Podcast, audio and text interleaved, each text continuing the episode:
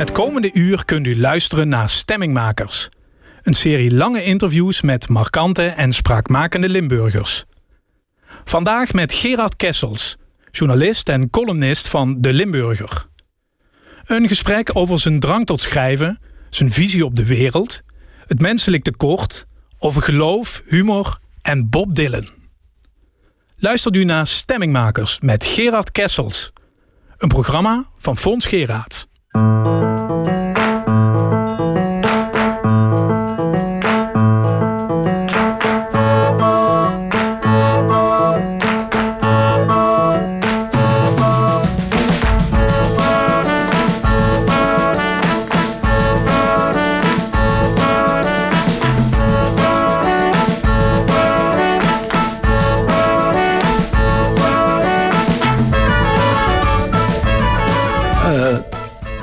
het, uh, het komt misschien iets beter. Ik ben nog wat, wat, wat vrienden verloren in uh, korte tijd. En ja, dan word je toch weer even met je neus op de kwetsbaarheid van het uh, bestaan gedrukt. Maar ja, we wonen op een heel mooi plekje.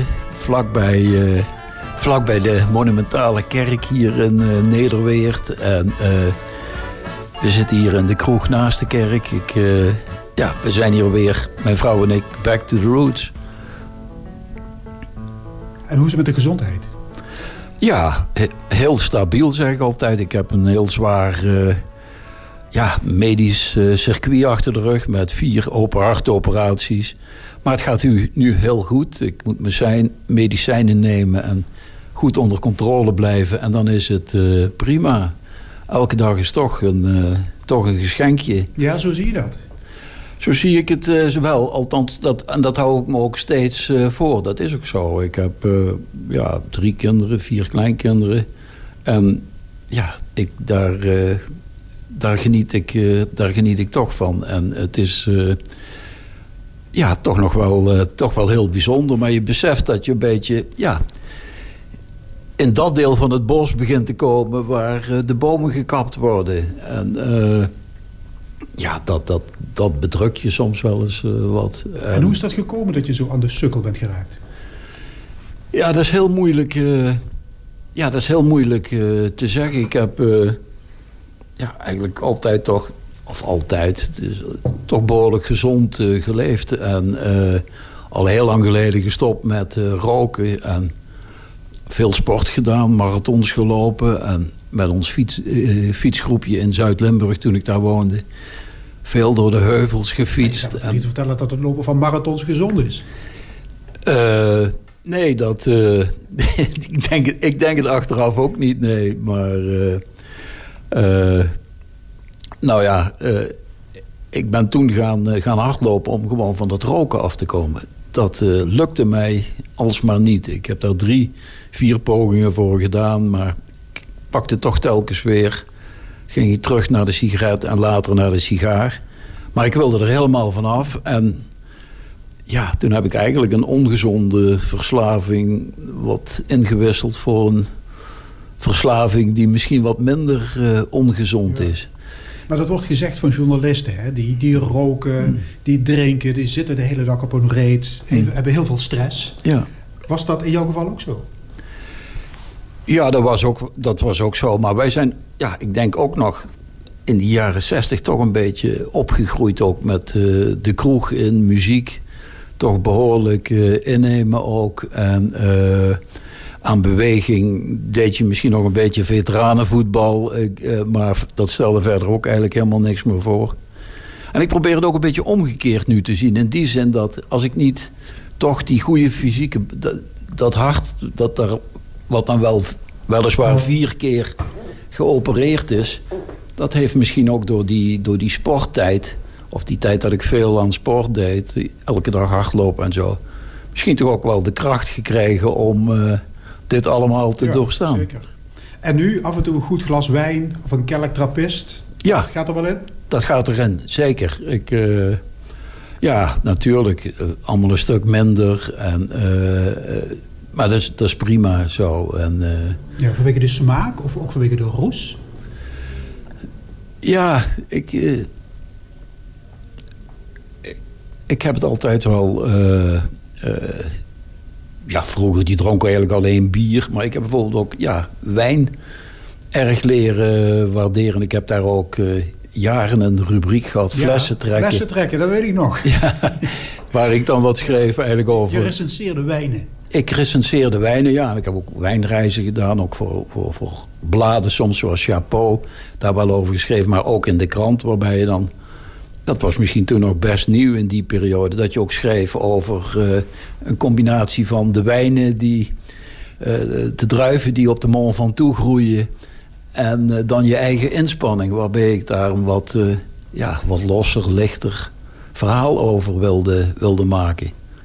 Maar je hebt nooit een carrière switch als oenoloog overwogen.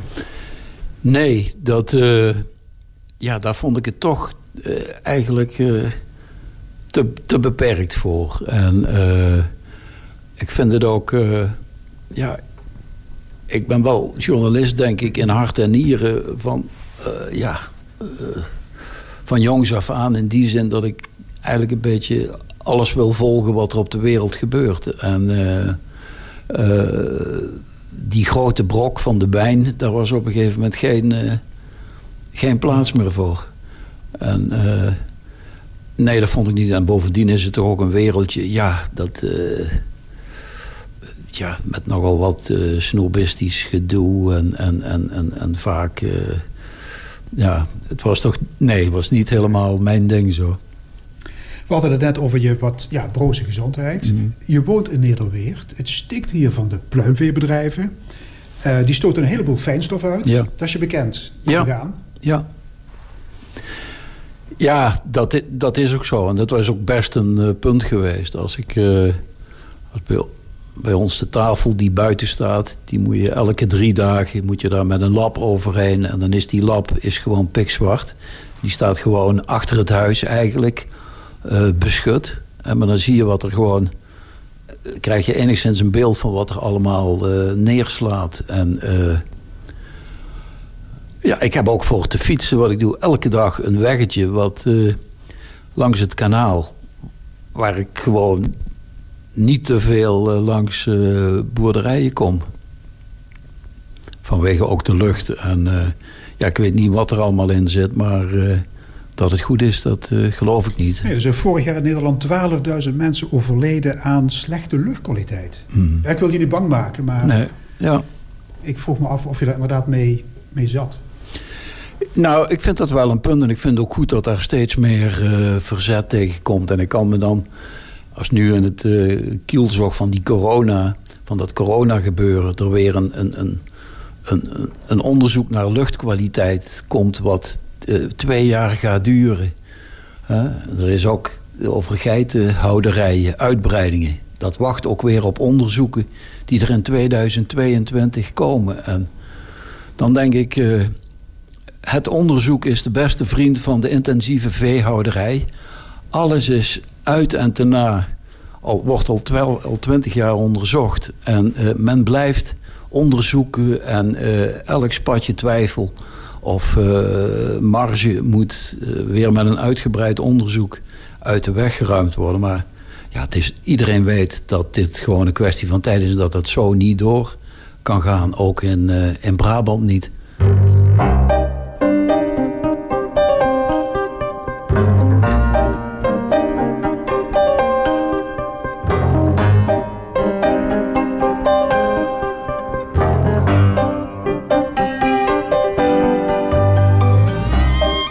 Kessels kan terugzien op een mooie loopbaan in de regionale journalistiek. Hij begon bij de Maas en Roerbode, was correspondent in Duitsland en Italië en eindigde als adjunct hoofdredacteur van de Limburger. Voor lezers van die krant is hij nog altijd een goede bekende.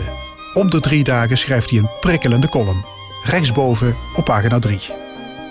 Niet omdat hij per se zijn opinies wil rondbezuinen, maar vooral vanwege het schrijven zelf. Het zoeken naar de elegante formulering, de juiste toonhoogte. De ene keer diep serieus en filijn, dan weer relativerend. En niet zelden over dingen die in het grote nieuwsaanbod onopgemerkt blijven. Gerard Kessels. Ja, ik vind dat eh, ik vind het een prettige frequentie. Ik ben ook ja, blij dat ik die ruimte daar heb. Het is ook ja, een klassieke column, vind ik. In die zin, het woord betekent kolom. Uh. En zo is het eigenlijk ook begonnen.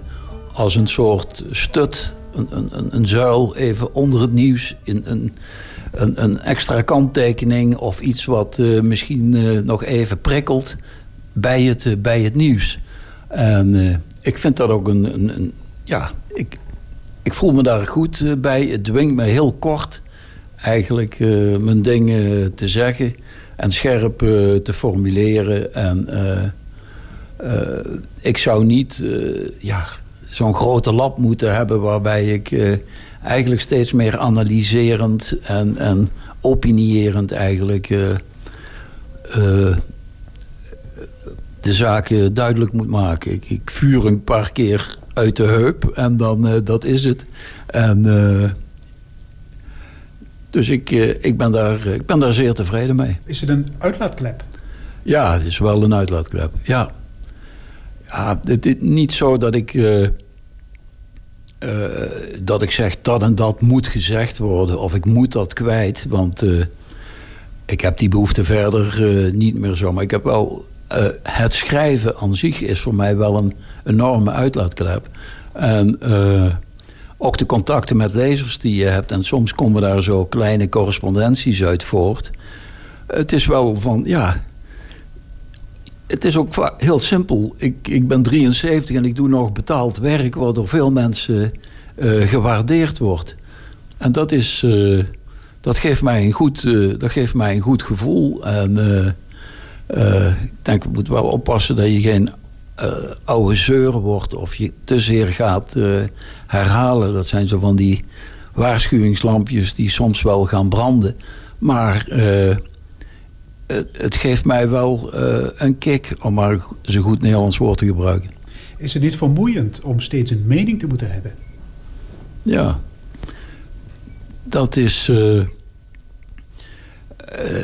ja, dat is inderdaad soms wel uh, een beetje eh, vermoeiend. En ik probeer ja, ook vaak wat andere dingen te schrijven dan gewoon hoe je je voelt. Of over een, een reis met mijn zoon naar Rome die niet is doorgegaan. Of laat ik zeggen, het wat kleinere nieuws te zoeken. De hele kleine persoonlijke actualiteiten en niet de, de grote wereldactualiteit. en ja, mijn broer Jos die zoekt het alleen maar in die kleine dingen. Die, heeft het, die schrijft een column over hoe, zijn, hoe hij zijn buurman met de kliko naar, uh, naar de straat ziet lopen. Daar schrijft hij een hele column over. Je broer Jos Kessels. Jos Kessels. Voor, de, voor het Eindhovens Dagblad. Die voor het Eindhovens Dagblad, ja. ja. Maar dan moet toch, laat ik zeggen voor mensen die jouw columns niet kennen... nooit gelezen hebben... daar moet toch een soort wereldbeeld in zitten. Wat is dat? Mijn wereldbeeld? ja. ja. dat vind ik een, eh, dat een hele moeilijke. ja, het, uh, het, ja, goed. Ik kan het ook zo zeggen van misschien uh, mijn, mijn, mijn levenspreuk is altijd zo geweest, of mijn levensmotto. Die situatie is hopeloos, maar niet ernstig. En het, ik probeer altijd toch in ontwikkelingen een beetje het positieve te blijven zien. En ik denk dat mensen niet veel veranderen. En als je dan ja, de grote beslissers hebt, zoals uh, Churchill, hè, die toch altijd uh, zijn brieven ondertekende met KBO, afkorting van Keep Buggering On. Kloot maar wat door. Dat betekent eigenlijk, ja, we moeten maar wat aanrommelen. Ja. En ja, dat, dat vind ik ook wel. Dat zou ik het liefste willen doen. Ondertekenen met KBO. ja, Eigenlijk, uh, eigenlijk wel, ja. Ik heb uh, een hekel aan mensen die alles heel zeker weten. En uh, dat... dus, ja, het is een, een mild pessimisme, zal ik zeggen. Als je zegt, wat is je wereldbeeld? Of... Mild pessimisme. Maar word je met het jaren conservatiever? Ja, als je die oude klassieke tegenstellingen hebt... links, rechts... dan denk ik dat ik wel uh, dat je wat opschuift naar rechts. Maar ja, ik heb laatst een, uh, een column geschreven over de politie. Hè, die ik een acht gaf. ook naar aanleiding van het hele racisme-debat. En daar heb ik ja, ook over geschreven dat het nu eenmaal een sociaal-cultureel feit is. Hè, dat zes, zeven keer zoveel Antillianen en Surinamers als Nederlanders uh, veroordeeld worden voor criminele feiten. En dat dat toch op een of andere manier ook zijn werk heeft, of, of zijn uitwerking heeft op uh, het werk van, van de politie. Dat dat toch een dat gegeven is. profileren toegestaan, wil je zeggen? Ja, dat vind ik dan ook weer. Als je, en het staat ook in die column. Ik vind de politie, politie moet iedereen, ongeacht zijn huidskleur of wat dan ook, op dezelfde manier uh, tegemoet treden. Correct, beheerst, uh, professioneel. En uh, dat staat buiten kijf. Maar ja, je ontkomt ook niet aan bepaalde feiten. En als je die wat, wat ik nu soms zie... dat zijn net dingen alsof daar niet over gesproken mag worden. Is er wel eens iemand die tegen jou zegt... Kessels, je bent echt aan het verrechtsen? Dat is wel eens een keer, zeg maar, een heel enkele keer maar. En heel veel mensen die, denk ik... die vanuit de jaren 60 of 70 hebben een beetje diezelfde weerdegang wat, uh, wat doorgemaakt. Ja, ja. Je schreef een keer: wie echt kan schilderen is meteen verdacht bij de toonaangevende kunstcritici. Mm. Ja, dat, uh, dat gevoel heb ik soms wel. Ja, ja. ja, dat is dan. Uh, waarom zou een kunstenaar per se vernieuwend moeten zijn? Of dat, dat vind ik geen dat vind ik geen uh, kenmerk of waar je zegt, uh, of, of iets waar je kunst aan, aan mag meten. Je kunt ook, uh, denk ik, een traditioneel. Je kunt ook, zoals bijvoorbeeld Karel Willink, een, een, groot schilder zijn, terwijl je zeer traditioneel werkt. Maar jij vindt al gauw dat er sprake is van, laat ik zeggen, modieuze fratsen. Er is sprake Als van... Als je de Roerdalen en ja. gelukscoördinator in dienst neemt... Ja. dan komt het stoom uit jouw oren. Ja, daar heb ik wel wat, uh, daar heb ik wel wat uh, moeite mee. Ja, dat zijn. Uh, ik denk dat elke chef en elke leidinggevende of iedereen die ergens moet zorgen voor het. het dat er een bepaald geluk is op zijn afdeling of dat er een prettige werksfeer is. En als je dat bij iemand anders neer gaat leggen, dan doe je precies het tegendeel. Want dan is het, ontstaat een beetje het sfeertje. Ja, maar als je nou als je wat hot voelt of je vindt dat we weer eens met z'n allen naar de Efteling moeten ja, dan moet je bij de... Uh, of een pilsje moeten gaan drinken... dan moet je bij de gelukscoördinator zijn. Ik vind dat flauwe beroepen die uh, allemaal gecreëerd worden. En, dat vind ik dus echt... maar dat vind ik wel heerlijk over schrijven en zo. En ook een hele rustige uitstraling. Erger jij je aan veel dingen, toch? Ik erger mij wel aan veel dingen, maar ik laat het niet te zeer... Uh... je hart komen? Nee, ik laat het niet. Nee. nee. Maar je hebt ook geen sympathie voor strandtenthouders... die een hand ophouden bij de regering... terwijl ze bakken met geld hebben verdiend? Ja. ja door vijf euro te vragen voor een vingerhoedje wijn? Ja, ja. Dat, uh, dat is ook zo. Er zijn een aantal lui bij die ontzettend veel geld... Uh, die heel veel geld verdiend hebben... en dan bij het minste of geringste... Uh, toch uh, direct de hand ophouden. Er zijn ook gewoon bedrijfsrisico's als je ondernemer bent, denk ik. Volgens mij zou je drie keer per dag zo'n column kunnen schrijven. nou, nee, dat valt, valt nog wel mee. Ik ben nou, ja, voor de televisie heb je ook geen hoge pet. Veel schreeuwers en windbuilen. Ja. Citaat. Voor tv is niet belangrijk of je iets weet, maar of je het leuk kunt zeggen. Ja, dat denk ik ook wel. Ja. Daar is nu een beetje die discussie ook over dat allerlei bekende Nederlanders volop over corona geïnterviewd worden. En uh, uh, het onderwerp is interessant door zijn verpakking en doordat je bij Van Nieuwkerk aan tafel en uh, maar ik, daar ben ik wel een beetje... Ik heb nog nooit een uitzending van Van Nieuwkerk... Uh, of De Wereld ooit helemaal gezien. En ik ben er helemaal niet trots op. Want ik mis ook een hoop. Uh, als je de dingen een beetje bij wil houden... dan zijn er bepaalde zaken die je ook gewoon misschien moet zien... of wat meer moet volgen. Maar ik, uh, ik heb, als ik tien minuten voor de tv zit... dan heb ik vaak een ja, idee dat ik maar wat zit... ja, maar wat doe je dan s'avonds? Nou, kijk wel eens andere dingen. Uh, goede documentaires over van Canvas, over, over muziek of andere dingen. Of een mooie Netflix-serie. En ik ben altijd kranten aan het lezen. En meestal in drie, vier boeken tegelijk. slechte gewoonte, maar je blijft dan vaak in die boeken hangen. Dus ik lees ze niet allemaal uit, maar ja, genoeg te doen. Mensen uh, op bepaalde leeftijd die kritiek hebben, die krijgen heel vaak ingevreven dat ze zijn verzuurd. Hmm. Hoe ga jij daarmee om? Vind je dat ik verzuurd ben? Nee, dat zeg ik niet. Maar ik kan me wel voorstellen dat je zelf bang bent om verzuurd over te komen. Ja. ja dus dat... Wiert schiep me te binnen, schreef ooit een, een bundel stukken onder de titel Tegen de verzuring. Ja, dat, uh, dat is ook zo. Dat hoort een beetje bij het, bij het ouder worden. Maar ik vind, daar moet je, daar moet je tegen blijven vechten. En zo, jezelf daar zo goed mogelijk van bewust uh, uh, blijven. Dat dat, dat dat een gevaar is wat op, op de loer ligt. En ik vind dat, je in elk, dat ik in elk geval, of ik nou over de zwaarste onderwerpen van ziekte en gezondheid, over maatschappelijke dingen gaat of wat dan ook, dat het altijd een beetje licht moet zijn. Het moet niet te zwaar zijn. Ik vind dat nog altijd het hoogste als je over licht kunt schrijven over zware onderwerpen. En dat er altijd een beetje toch die humor in zit. Want dat is het beste medicijn tegen, beste medicijn tegen verzuring. Je kunt je wel over dingen ergeren. Maar je moet er ook nog mee kunnen blijven lachen.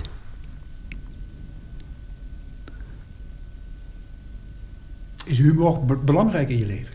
Ja, zeker. Ja, zeker. Het is, uh, het is toch een beetje uh, een smeermiddel in het contact naar mensen toe. En het werkt ontladend. En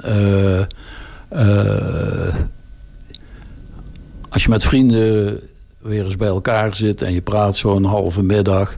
Het zijn altijd net de momenten ook die je waarschijnlijk het meest onthoudt. Of dat. ja, ik denk dat dat moeilijk, de waarde daarvan moeilijk overschat kan worden. En, omdat het eigenlijk een beetje het enige antimiddel is tegen een hoop ouderdom tegen kwalen en verzuring en noem maar op. En,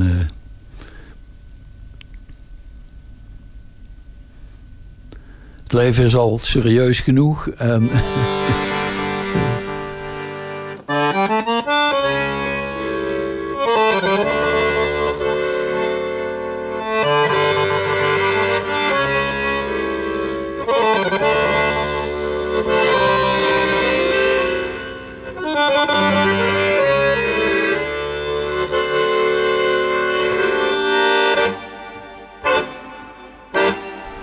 mijn vader is nog een tijd, uh, heeft hij op Rolduc gezeten en is op een gegeven moment toch, uh, heeft afgezien van het, uh, van het priesterschap.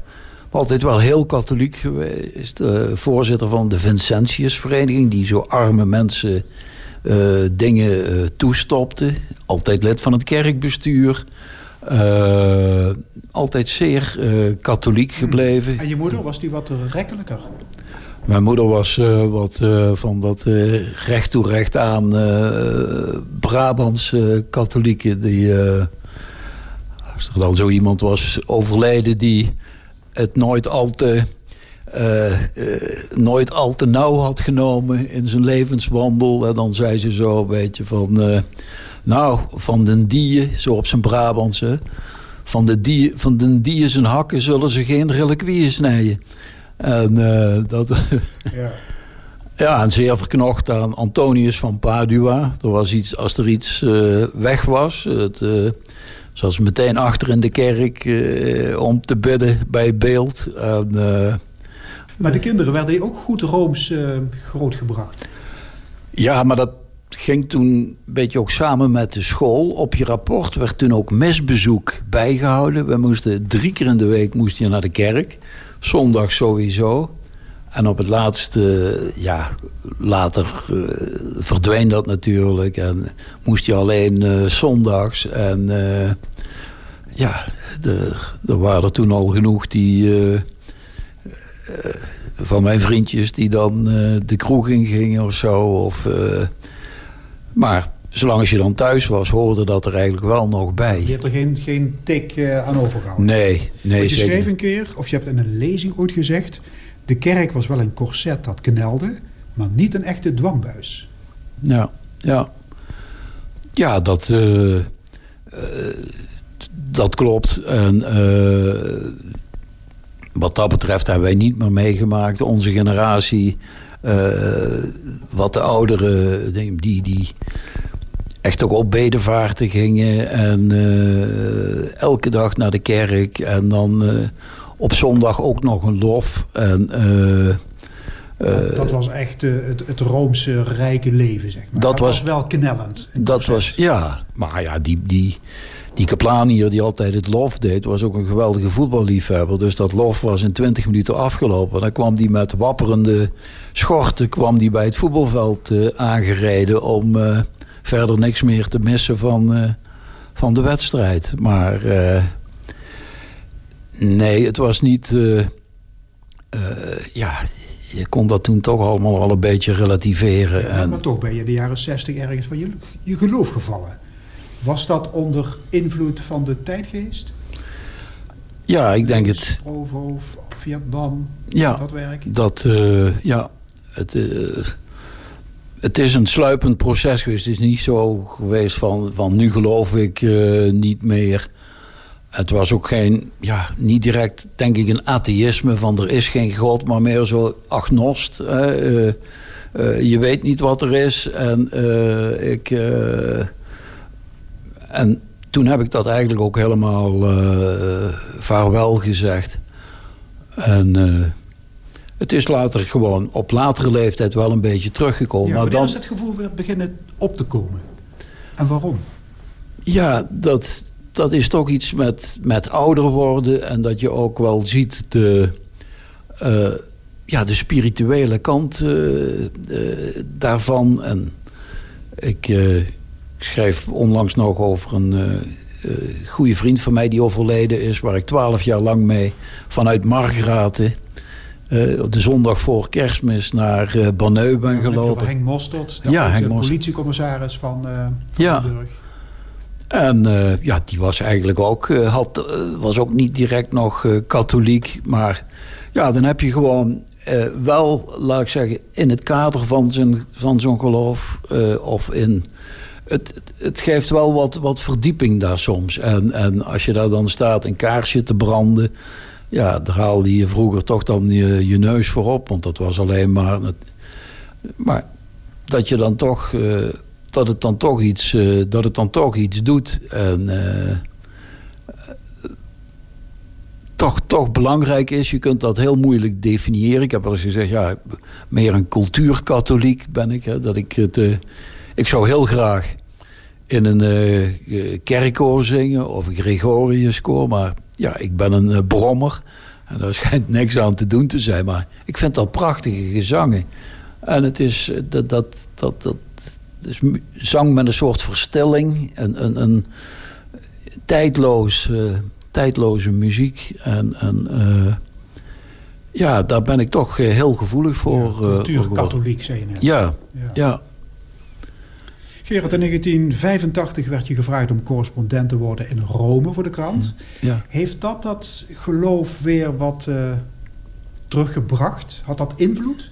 Ja, dat heeft zeker uh, invloed, uh, invloed gehad. Die hele, die hele omgeving. En ja, het, het, toch het imposante ook. En, en het...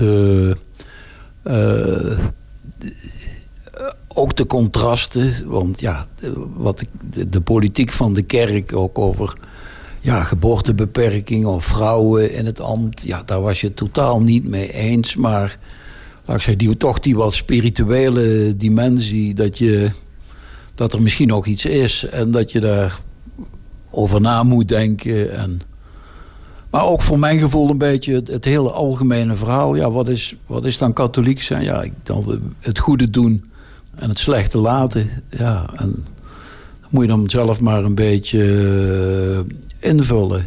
Het is meer het besef dat je leven toch ook, uh, ook al geloof je niet zo, een beetje een spirituele dimensie nodig heeft. Dat vierjarige correspondentschap in Rome heeft diepe indruk gemaakt, hè? Ja. Ehm, je schreef pas geleden nog... een vreemd soort heimwee heeft mij nooit meer verlaten. Heimwee naar die eeuwige stad? Ja, dat is ook zo. En, dat, en, en Italië ook. Ja, en dat gaat eigenlijk heel ver terug. Ik had toen ik op het gymnasium zat, las ik al heel veel boeken over archeologie, opgravingen. Eigenlijk die oude wereld. Hè, dat is een, uh, ook een, een, fascinatie uh, voor mij geweest. En uh, die opgravingen van Schliemann in Troje.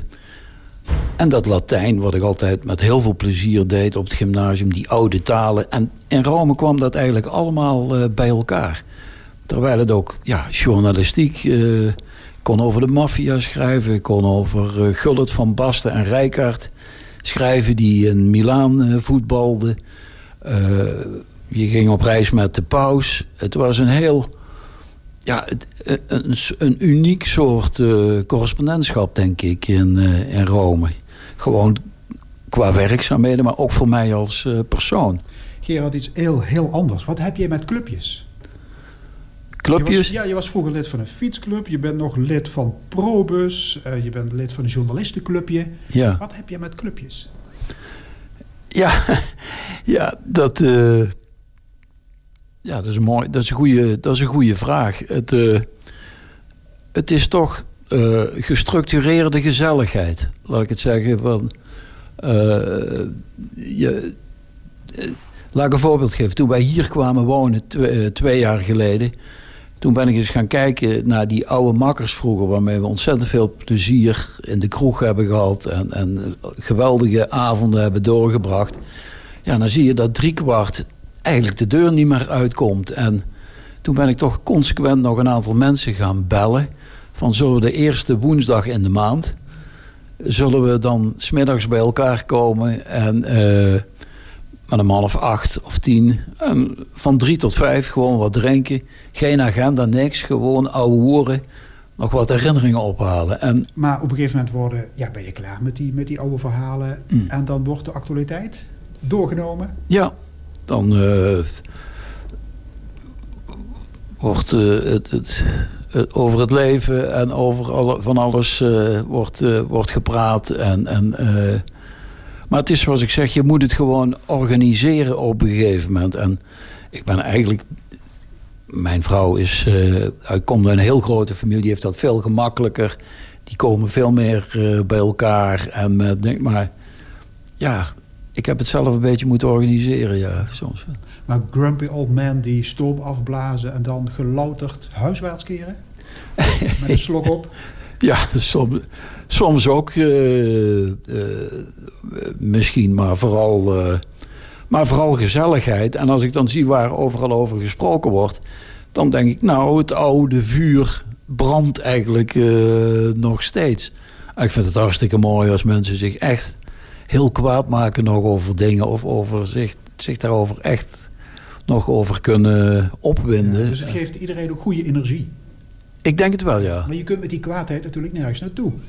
Nee, maar je kunt er wel met elkaar over praten. Of zie jij dat ook zo? En je ziet hoe mensen eigenlijk altijd hun hele leven hetzelfde zijn gebleven. Of waar ze in veranderd zijn. En uh, ja, zo zult dat bij mij ook wel zien. Ja. Dus de zuurgraad stijgt naar enorme hoogte.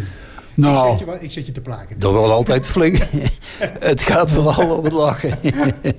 en je bent ook lid van Probus. Ja. Dat is een vereniging van gepensioneerde mannen. Wat brengt je dat?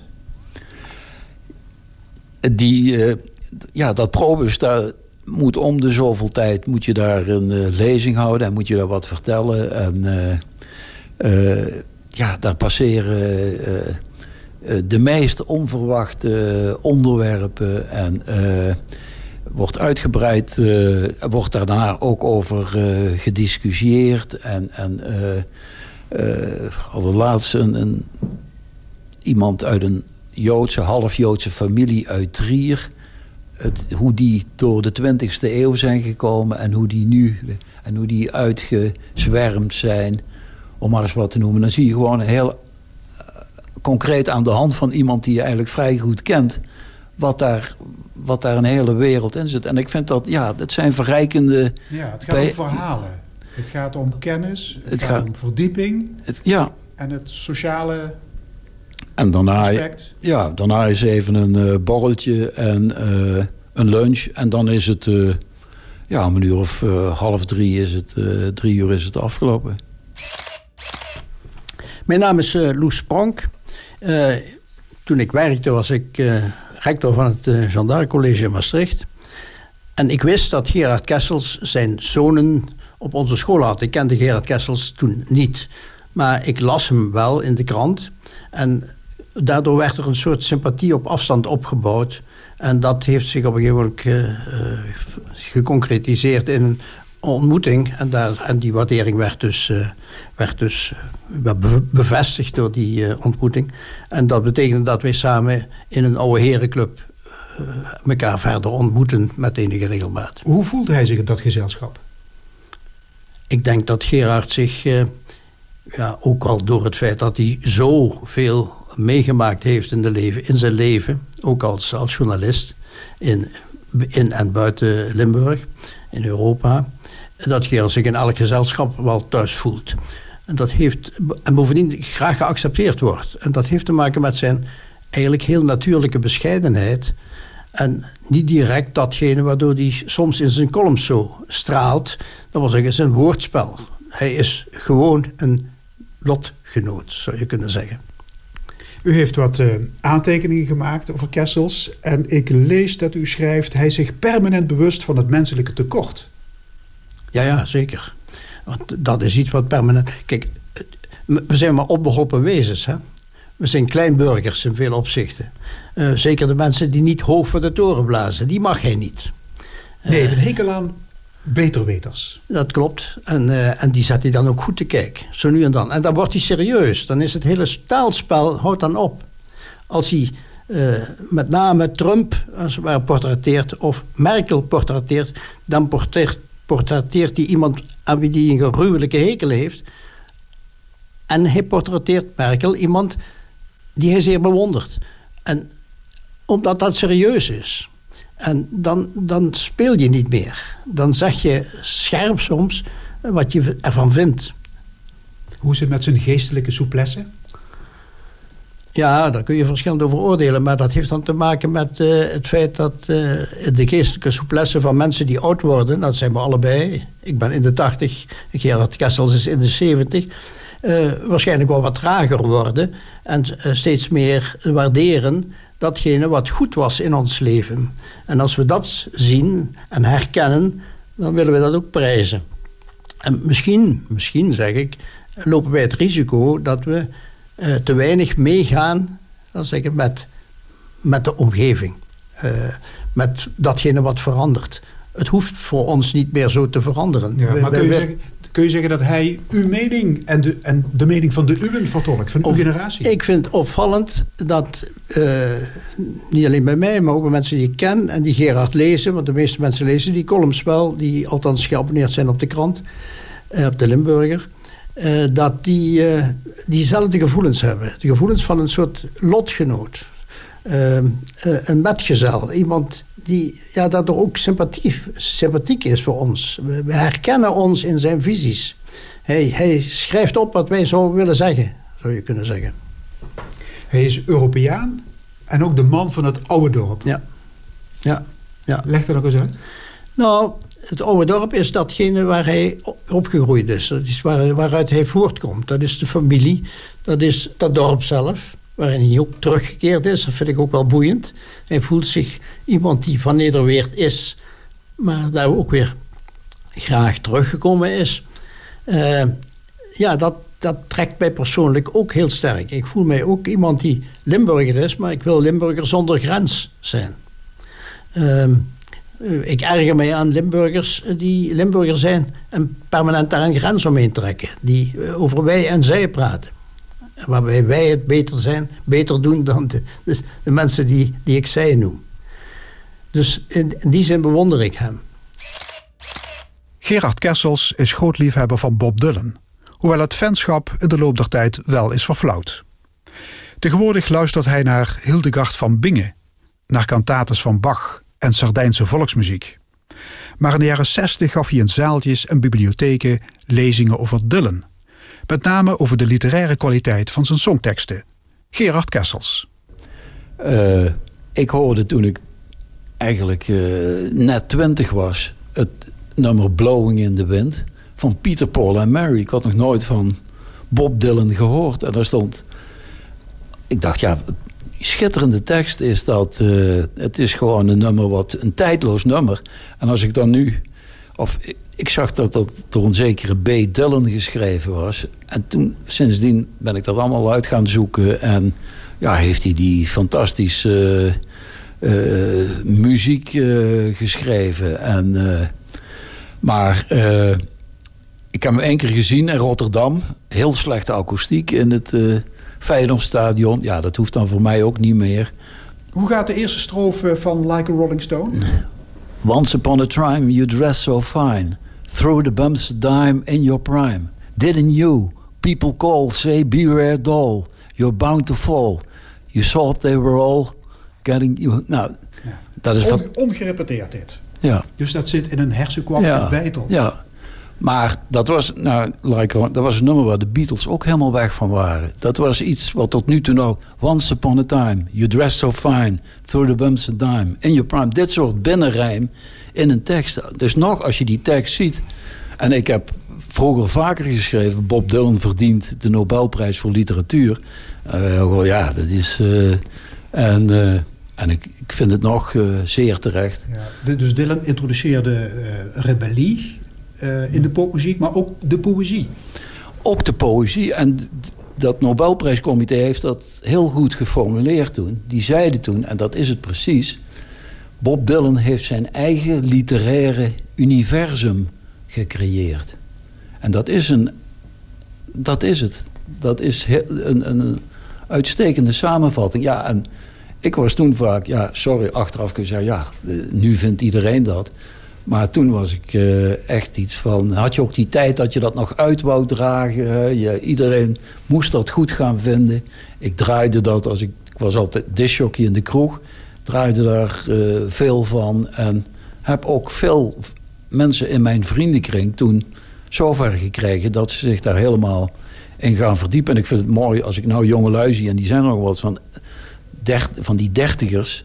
die ook helemaal gegrepen zijn, uh, toch door die muziek. En uh, daar zit heel veel tijdloos, uh, tijdloos spul bij. Hij heeft net weer een nieuwe plaat gemaakt. Hè? Ja. Zijn 39ste studioalbum. Ja. Dat verkoopt als een, als een tierenlier. Mm -hmm. je, je blijft hem volgen. Ik blijf dat wel volgen. Maar ja, ik ben daar niet zo lyrisch over als, uh, als veel anderen. Zijn stem is toch erg...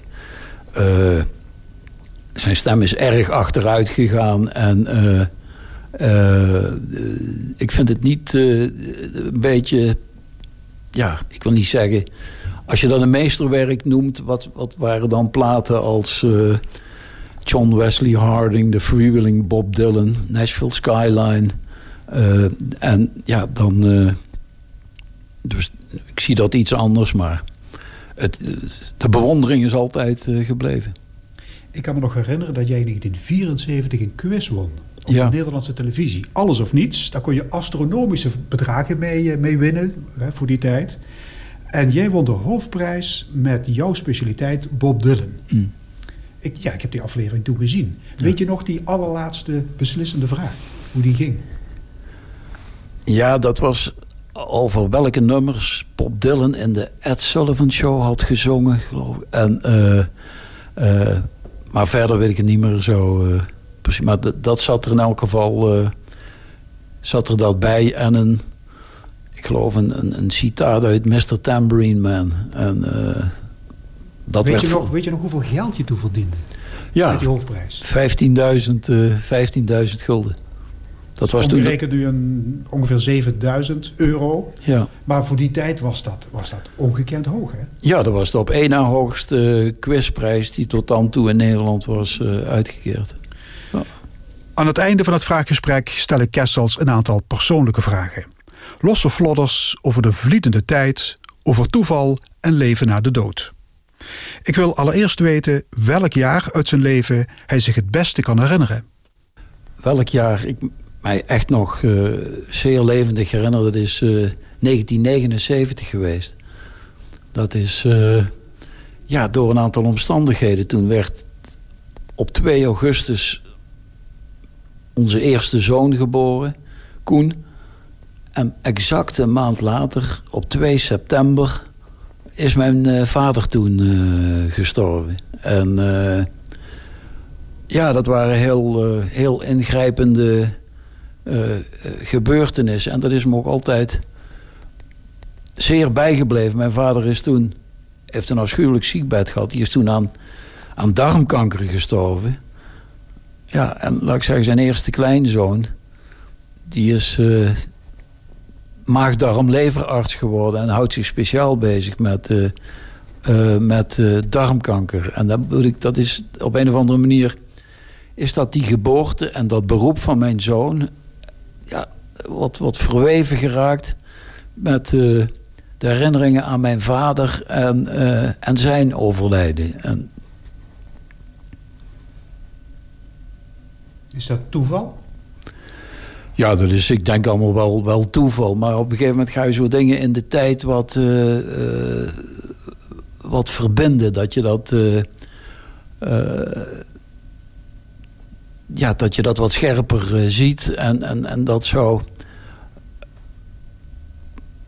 Dat dat dan toch op die manier in, in je herinnering blijft als je dan, als je dan terugkijkt. Met wie heb je nog een appeltje te schillen? ja. Dat uh, zou ik zo niet... Uh, zou ik zo niet uh, kunnen zeggen. Wat is je grootste angst?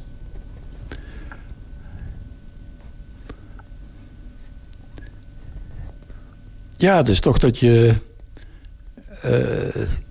dat je kinderen iets overkomt of dat je of kleinkinderen en uh, het uh,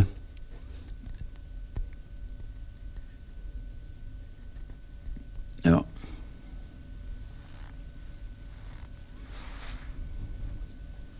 Met wie zou je een week willen ruilen? Met wie?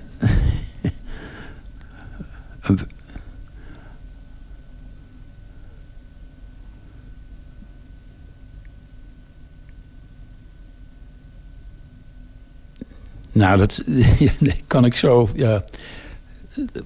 Dat zijn vragen, daar heb ik het moeilijk mee.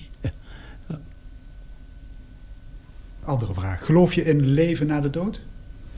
Dat weet ik niet. Nee. Ik geloof er niet echt in. Ik reken, uh, nee. Nee. Ik denk dat het toch uh, allemaal voorbij is. Spring je zuiniger met de tijd om dan vroeger? Ja. Je vraagt je meer af bij de dingen van... Uh, moet ik dat nog wel doen? Of uh, ja, je hebt niet meer zoveel tijd. Van, is dit de moeite waard om... Uh, ik hoef, er zijn geen dingen die ik... ik wil nog eens met mijn zoon naar Rome. En verder, ja, ik, ik hoef geen reizen, grote reizen meer te maken. En een dagje naar Zeeland uh, of een, een, paar dagen in Domburg vind ik, uh, vind ik prima. En uh, ja, verder geen, geen grote plannen, nee. Een bucketlist, dat doe je niet aan. Dat doe ik. Vind je dat een gruwelijk woord, hè? ja. bucketlist? ja, daar heb ik ook al eens... ja, daar zit toch zo achter dat je ik geloof heel erg dat het leven toch komt ja, zoals het komt. En, en uh, uh, het, het, het geeft zo uh, de illusie hè, dat je het in de hand hebt. Van dit ga ik nog doen en dat en dat en dat. En ja, waar leidt dat toe? Tot die World Press foto die pas in NRC stond... van een echte, letterlijk een file op de flanken van de Mount Everest. Hè, waar iedereen eh, uren moest wachten voordat hij even een foto kon maken op de top. En eh, eh, nee, eh, laat maar. Raar wezen, hè, de mens eigenlijk. Ja, dat, dat, dat vind ik wel. Het is. maar hij blijft stof leveren om te schrijven. Gerard, tot slot je haiku. Ja, je hebt op ons verzoek een haiku geschreven. Een drieregelig Japans gedicht met respectievelijk vijf zevende vijf lettergrepen. Wat is het geworden? Lees hem voor. ik zal hem voorlezen. Ik weet niets zeker. Twijfel is mijn metgezel. Klinkt dus zelden fel.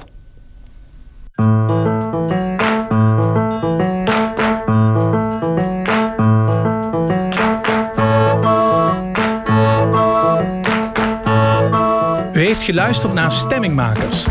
Deze keer met journalist en columnist Gerard Kessels. Techniek Edwin Maas.